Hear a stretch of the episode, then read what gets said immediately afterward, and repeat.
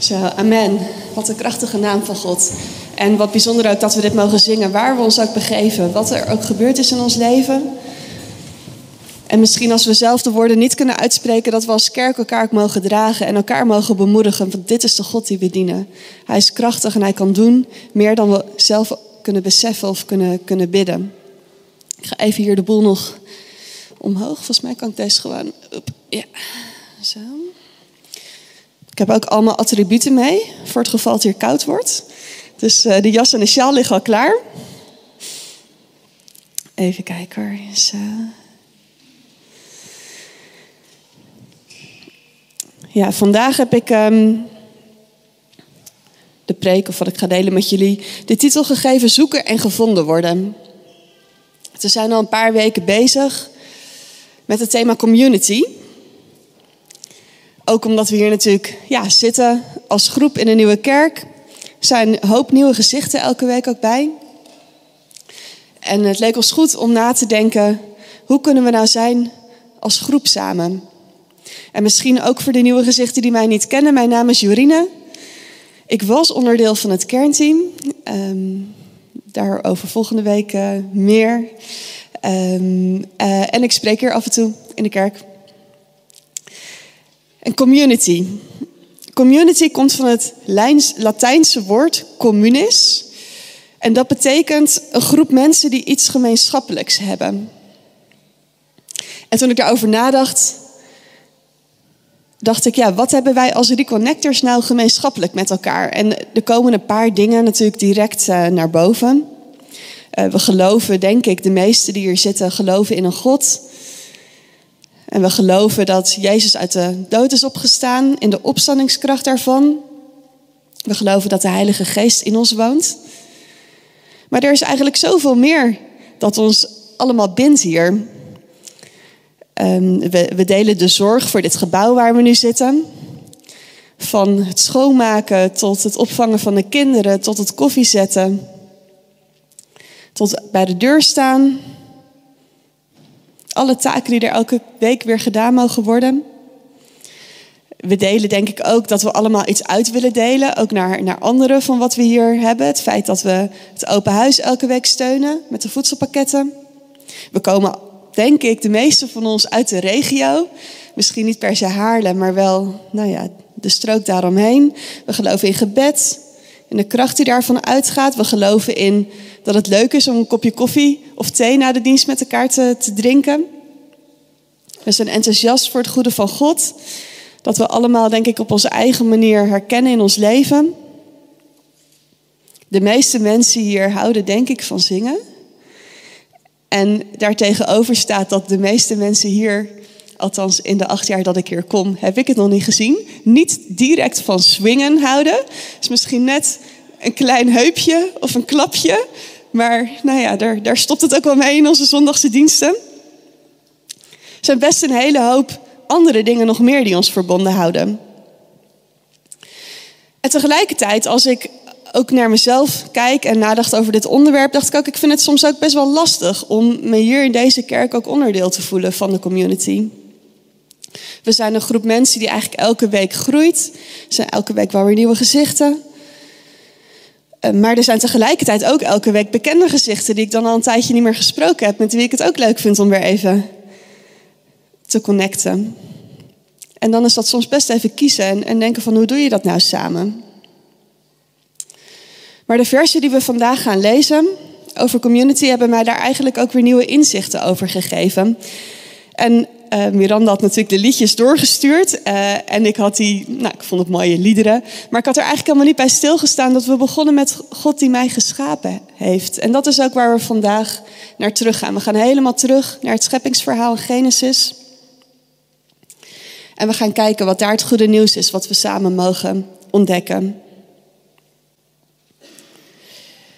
Als ik het met mensen ook heb, bijvoorbeeld op mijn werk, mensen die niet in God geloven, als ik met hen spreek over God, dan is dat ook altijd de vraag die ik aan mezelf stel, die ik voor hen ook probeer te beantwoorden. Wat is het goede nieuws wat ik met hen mag delen? En ik denk voor mij helemaal overkoepelend, er zijn heel veel goede dingen die ik in mijn leven zie van God, maar helemaal overkoepelend is het goede nieuws voor mij persoonlijk dat ik elke dag weer een stukje kan kiezen om terug te gaan naar hoe het was bij dat paradijs. Een stukje van het paradijs weer terug te brengen in de wereld waarin we leven. De wereld die eigenlijk vol is van heel veel dingen die niet echt paradijselijk zijn. Maar welke keuzes kunnen wij zelf maken om dat stukje paradijs weer, weer terug te brengen? Nou, laten we daarover gaan lezen. En ik denk dat de meesten van jullie het verhaal wel kennen. Dus dan is het een extra uitdaging natuurlijk om uh, niet te denken van... oh, dit verhaal ken ik al. En uh, ik ga even over andere dingen nadenken de komende 20 minuten. Ik zal trouwens even kijken hoe laat het nu is. Um, maar probeer echt uh, ja, ook weer voor jezelf nieuwe dingen te, te zien in dit verhaal. we lezen uit Genesis 1, vers 26. God zei: Laten wij mensen maken die ons evenbeeld zijn, die op ons lijken. Zij moeten heersen over de vissen van de zee en de vogels van de hemel, over het vee, over de hele aarde en alles wat daarop rondkruipt. God schiep de mens als zijn evenbeeld. Als evenbeeld van God schiep hij hem. Mannelijk en vrouwelijk schiep hij de mensen. Hij zegende hen en zei tegen hen: Wees vruchtbaar en word talrijk. Bevolk de aarde en breng haar onder je gezag. Heers over de vissen van de zee, over de vogels van de hemel en over alle dieren die op de aarde rondkruipen. God schept de mens, Adam en Eva. Het is de laatste werkdag als je het scheppingsverhaal leest. Na een werkweek vol creativiteit. God begon met niets en maakte daar iets van. En hij creëerde een hele wereld. Vol met bomen, vol met bergen, vol met zeeën, vol met vulkanen. Vol met grasprieten, bloemetjes, tot aan de grootste olifanten. En dan komt hij bij de laatste scheppingsdag. En ik vind het zo mooi dat er dan eigenlijk haast een uitroep komt. Laten wij mensen maken die op ons lijken. God eindigde, als je het verhaal leest, elke scheppingsdag met de notie dat de dag heel erg goed was. En dat zijn werk erg goed was. Hij genoot ervan. Maar toch kennelijk helemaal aan het einde van de rit miste er nog iets. De hemel, de aarde, de dag en de nacht, de zeeën, het land, de vogels en de vissen, was allemaal nog niet voldoende om de aarde perfect te laten zijn. Dus er is nog een laatste scheppingshandeling van God. Een bijzondere handeling, want er is, als je het verhaal ook goed doorleest, er is geen andere handeling waarbij we terugzien in de Bijbel wat eigenlijk de inspiratiebron was. Alle andere scheppingshandelingen lijken eigenlijk meer het gevolg te zijn van het leefbaar maken van de aarde. Het scheiden van, de water en, uh, van het water en de zee. Het scheiden van dag en nacht. De vogels en de vissen.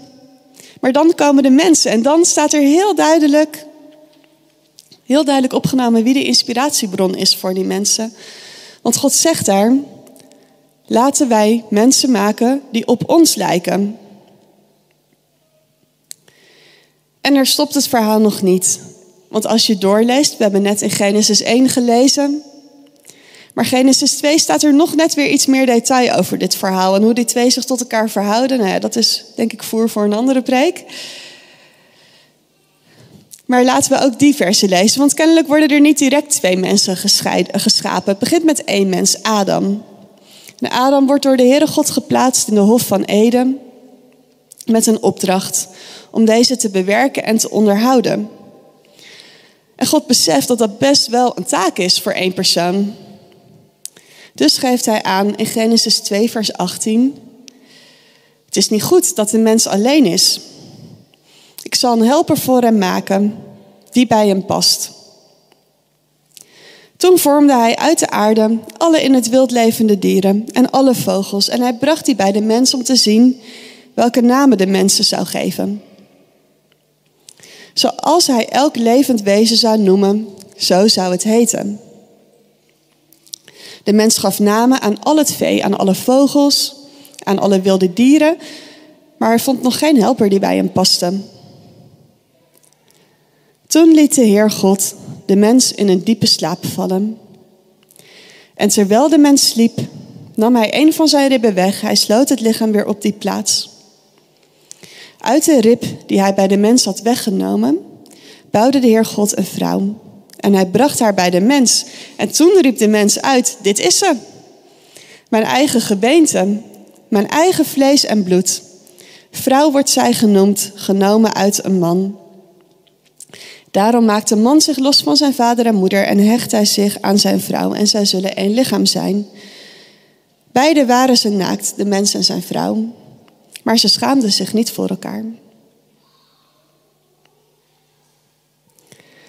Adam en God zijn samen op zoek naar een helper die bij Adam past. Alle dieren, alle vogels komen bij Adam langs om te kijken of een van hen misschien die helper zou kunnen zijn. En als ik me dat zo voorstel, dan zie ik, ja, ik weet niet of jullie vroeger ook zo'n Playmobil Ark van Noach hadden met van die dieren. En dan maakte je zo'n rij met al die dieren zo. Dat er zo'n rij was van dieren die voor Adam stond. En één voor één kwamen ze daar aanlopen met z'n tweetjes. En Adam loopt er misschien omheen en tilt de kleine dieren misschien wel op. En hij bekijkt ze van alle kanten, omdat hij moet ze ook nog een naam geven. Misschien eh, speelt hij wel even met de schapen of met de, met de tijgers. Dat kon natuurlijk toen nog. En hij denkt bij dat alles heel goed na over twee dingen. Ten eerste kan dit dier mij helpen bij de taak die ik heb. De taak om de aarde te bewerken en te onderhouden. En ten tweede, welke naam zal ik dit dier geven? Adam, de, de mens waarover God uitroept dat hij op hem lijkt, wordt eigenlijk direct door God gestimuleerd om ook zelf zijn creativiteit aan de, aan de gang te zetten. En hij bedenkt de hele dag namen voor al die dieren en kan me zo voorstellen dat die rij korter en korter wordt. Maar die helper, die helper die bij hem past, zoals er zo mooi staat, die heeft hij nog niet gevonden. En die woorden bij hem passen, in de grondtekst betekent dat hetzelfde als tegenover iemand staan of iemand vooruit helpen. En wanneer de man dan de vrouw ziet, dan roept hij het ook uit. Eindelijk, dit is ze, staat er zo mooi. Iemand die mij helpt, die op mij lijkt. En dan daar in die tuin begint eigenlijk de eerste community. Man en vrouw, ze leven samen in de tuin. En ze zijn letterlijk schaamteloos, staat er. Maar goed, we weten ook allemaal dat hier het verhaal niet eindigt. De community bestaat niet alleen uit Adam en Eva in die tuin. Maar we lezen ook in de Bijbel dat God nog heel dicht bij de mensen leeft. En dat hij in de avond, nadat de dag voorbij is, komt hij wandelen in de koelte van de avondwind. En de Heere God wilde dit mooie moment ook delen met Adam en Eva. En we zijn inmiddels in Genesis 3 aanbeland, versen 8 en 9, daar staat toen de mens en zijn vrouw de Heer God in de koelte van de avondwind door de tuin hoorden wandelen, verborgen zij zich voor hem tussen de bomen. Maar de Heer God riep de mens, waar ben je? We weten natuurlijk, althans, ik denk dat de meesten van jullie weten wat er in de tussentijd gebeurd is. Er waren een aantal richtlijnen die meegegeven waren aan Adam en Eva. En ze kozen ervoor om daarvan af te wijken. En ineens kregen ze door uh, dat ze bloot waren. En kregen ze schaamte voor elkaar. Schaamte voor de Heere God. En de Heere God ging op zoek naar Adam en Eva. Terwijl ze zich verstopten. En hij roepte hen, waar zijn jullie? En Adam voelt toch kennelijk de drang om, om te antwoorden. En hij zegt, ik hoorde u in de tuin en ik werd bang, omdat ik naakt ben. Daarom verborg ik mij.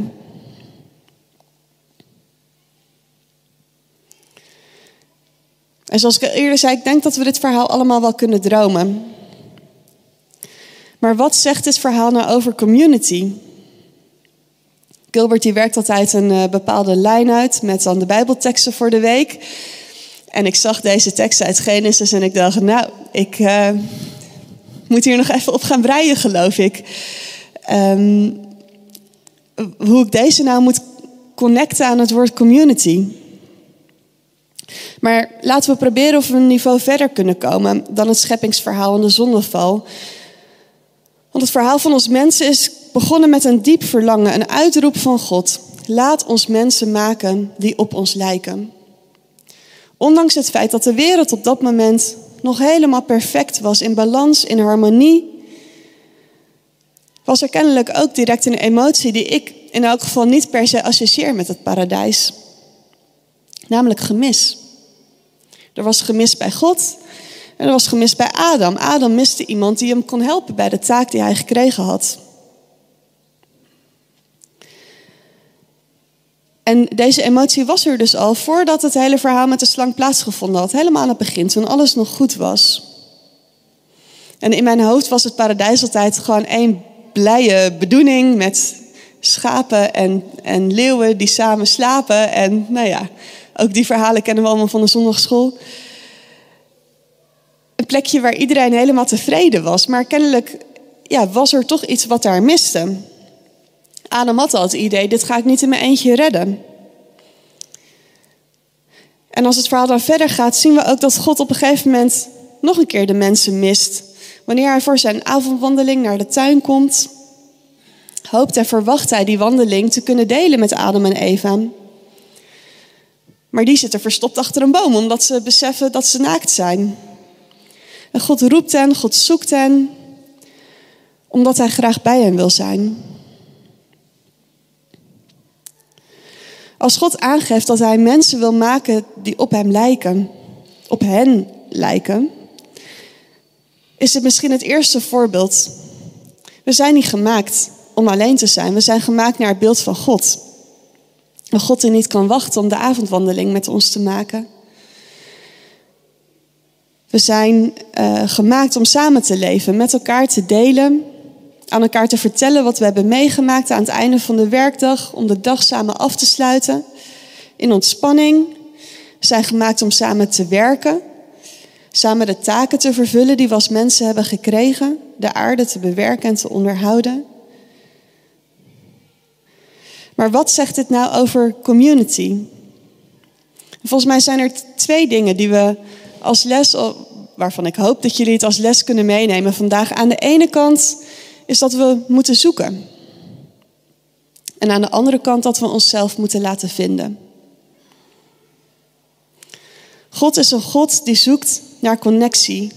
Hij is teleurgesteld als die connectie geweld wordt aangedaan. Als hij de tuin binnenkomt en Adam en Eva niet kan vinden, dan zoekt hij net zo lang totdat Adam hem antwoordt. Hier, hier zijn we. En vervolgens vraagt God ook aan Adam: Adam, wat is er gebeurd? God doet geen aannames over wat Adam en Eva gedaan zouden kunnen hebben. Hij verifieert bij Adam en Eva zelf: wat is er gebeurd met jullie? Hoe zit het verhaal in elkaar wat jullie betreft? En hier heeft Gilbert vorige week natuurlijk ook uitgebreid over besproken. En als je die preek niet geluisterd hebt, wil ik je wel aanmoedigen, luister dat terug. Want het is zo belangrijk. Doe geen aannames over elkaar. Vertel jezelf geen verhalen over de ander waarvan je niet zeker weet of het wel klopt. In plaats daarvan zoek elkaar op en check hoe de vork in de stil zit. Dat is hoe we samen community kunnen bouwen. Dan kunnen we weer samen wandelen met elkaar. En dan ook de tweede les. En dat was voor mij eigenlijk iets nieuws toen ik over deze versen ook na ging denken. Adam en Eva die bevonden zich in de meest kwetsbare positie die ze tot dan toe hadden gekend. Toen God hen zocht voor, voor zijn avondwandeling. Van het een op het andere moment realiseerden zij zich dat ze naakt waren. En dat God hun in hun naaktheid zou zien. En met het kennen van die begrippen goed en kwaad realiseerden ze zich vast nog veel meer dingen. Wellicht dat Eva direct doorkreeg dat Adam, die tot dan toe in haar ogen de perfecte man was, misschien wel wat vriendelijker had kunnen reageren op haar aanbod om wat fruit te plukken. En misschien dat Adam, die zijn vrouw daar zo zag staan terwijl ze van alle kanten probeerde om zichzelf te bedekken, Dat hij haar misschien wel een beetje vond zeuren over die koele avondwind, die toch niet zo fijn was nu ze bloot was en ze dat door had. En er was vast nog veel meer waarover ze zich schaamde dan het enkele feit dat ze naakt waren. En al die gedachten tezamen maakten dat ze zich verborgen. En dit was wel iets waarvan ik dacht, oeh, dat herken ik ook wel in mijn eigen leven. Dat er gedachten zijn waar ik me niet comfortabel bij voel. Gedachten over mijzelf of gedachten over de ander. Het kunnen soms gedachten zijn van minderwaardigheid. Gedachten over het feit dat de ander een bepaald beeld van je heeft. Dat misschien wel helemaal niet klopt. Gedachten over het feit dat je voor je gevoel heel hard aan het werk bent, maar dat niemand dat ziet. Gedachten van boosheid, van teleurstelling in jezelf of in anderen. Allemaal gedachten die ervoor zorgen dat we onszelf gaan verstoppen. En in plaats dat we openstaan voor verbinding, bouwen we een heel bos met bomen in onze gedachten. Waarin we dan veilig in ons eigen wereldje kunnen zitten, verstopt, voor iedereen die langsloopt. En dit is volgens mij de tweede les die we uit dit stuk kunnen leren. Als we zeggen we verlangen naar community, dan moeten we ons ook wel laten vinden. En ook al betekent dat voor Adam en Eva dat ze spiernaakt gewoon die tuin in moesten wandelen. En uit die bosjes moesten stappen. Dat, zodat we dan de ander om hulp kunnen vragen. Ik denk dat we kwetsbaar naar elkaar moeten durven zijn. We zijn er zo goed in om een soort perfect plaatje aan de buitenkant te laten zien. Maar dan leer je elkaar nooit echt kennen als je niet weet wat er speelt aan de binnenkant. We leren elkaar echt kennen als we in alle kwetsbaarheid onszelf durven te tonen aan de ander. En dat is best wel eng natuurlijk. Maar wat ik ook wel bemoedigend vind aan deze verse is dat er na, nou ja, het verhaal gaat natuurlijk verder. En nadat Adam en Eva uit de tuin worden weggestuurd, gaan ze niet ineens niet op God lijken. We zijn nog steeds mensen gemaakt in het beeld van God. Een God die over zichzelf in meervoud spreekt. God de Vader, God de Zoon, God de Heilige Geest. Een God die per definitie een God van relaties is, omdat Hij een God van drie is. En dat is denk ik ook het goede nieuws dat we mogen brengen. Het stukje paradijs wat we nu al terug mogen zien hier op aarde. Wat, wat we zelf ook meer en meer zichtbaar kunnen laten zijn. Het goede nieuws dat we als community aan de ene kant onszelf steeds meer mogen tonen aan de ander. Omdat we erop vertrouwen dat de ander echt op zoek is naar ons, naar wie wij zijn. Dat de aannames die diegene over jou heeft, dat hij die zal laten varen. Omdat we echt intentioneel bij elkaar gaan checken. Wie ben jij? Zie ik jou echt? En dat vereist moed van twee kanten. Moed om de aannames te laten varen. Moed om de vragen te stellen die misschien verder gaan dan hoe is het? Moed om verder te kijken dan wat je misschien op het eerste gezicht ziet. Maar het vereist ook moed van degene die verstopt zit. Moed om uit die bosjes te stappen, ook al voel je je kwetsbaar. Moed om jezelf helemaal te laten zien, inclusief de stukjes waar we ons voor schamen. En dat kost ook tijd, denk ik, naast moed. Tijd, prioriteit. Tijd om de ander echt te zien, om de goede vragen te stellen. En tijd om stapje voor stapje uit dat bos naar buiten te bewegen. Tijd om de antwoorden te geven en misschien stukje bij beetje een tipje van die sluier op te lichten. Tijd om eerlijk te zijn over wie we zijn en waarom we eigenlijk misschien wel verstopt zaten. Maar ik hoop en ik bid echt dat dit de kerk is die we samen mogen zijn met elkaar. Een kerk waar we op zoek zijn naar elkaar. Een kerk waar we ons misschien af en toe best wel verstoppen maar er uiteindelijk ook voor kiezen om weer naar buiten te stappen. Een kerk waar we de moed opbrengen om onszelf te laten vinden. En ook de moed als we zien dat iemand anders daar moeite mee heeft, dat we diegene daarbij helpen, omdat we echt op zoek gaan. Kerk waar we dit goede nieuws mogen laten zien aan de wereld om ons heen. Dat het mogelijk is om met een groep mensen die zo verschillend is als hoe we hier zitten, toch samen te kunnen leven. Een kerk die onze naam eer aandoet. Een plek om mensen te reconnecten in de eerste plaats met God, maar ook met elkaar. Laten we kort met elkaar bidden. Ja, Vader God, dank u wel dat u de God bent van relaties. Dank u wel dat u ons geschapen heeft en dat wij mogen leven om uw naam eer aan te doen. En Heer, dank u wel dat u ons als gemeenschap ook aan elkaar gegeven heeft. Dat wij hier allemaal zitten met een bepaalde gedachte. Hoe verschillend we ook van elkaar mogen zijn, er zijn zoveel dingen die ons ook samen binden, Heer.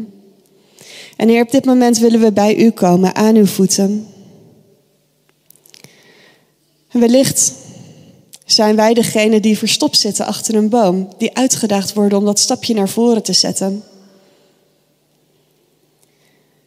Heer, en er zijn ook mensen hier in de zaal die juist geroepen zijn om op zoek te gaan naar de ander. En Heer, wilt u in ons hart spreken wat we mogen doen om de ander echt te zien, om de juiste vragen te stellen, om geen aannames te hebben. En Vader, we vragen ook uw vergeving voor de momenten waarop we dat niet hebben gedaan. Dank u wel dat u met de Heilige Geest in ons woont, dat u ons leidt, dat het niet uit onszelf hoeft te komen. Zowel het uitstappen vanuit het bos niet, als het op zoek gaan naar de ander. God, u leidt ons. Dank u wel voor dat wonder. Amen. Hey, Gilbert hier. Bedankt dat je hebt geluisterd naar de podcast van Reconnect Community Church. Ik hoop en bid dat je er niet alleen door bent bemoedigd of geïnspireerd, maar dat deze uitzending jou ook weer meer heeft mogen wijzen naar Jezus en zijn liefde, genade en trouw voor jou en voor mij. En als jij, net als wij, ook enthousiast bent over deze podcast, dan kan je ons helpen door je te abonneren op ons kanaal en deze overdenking te delen met vrienden en bekenden.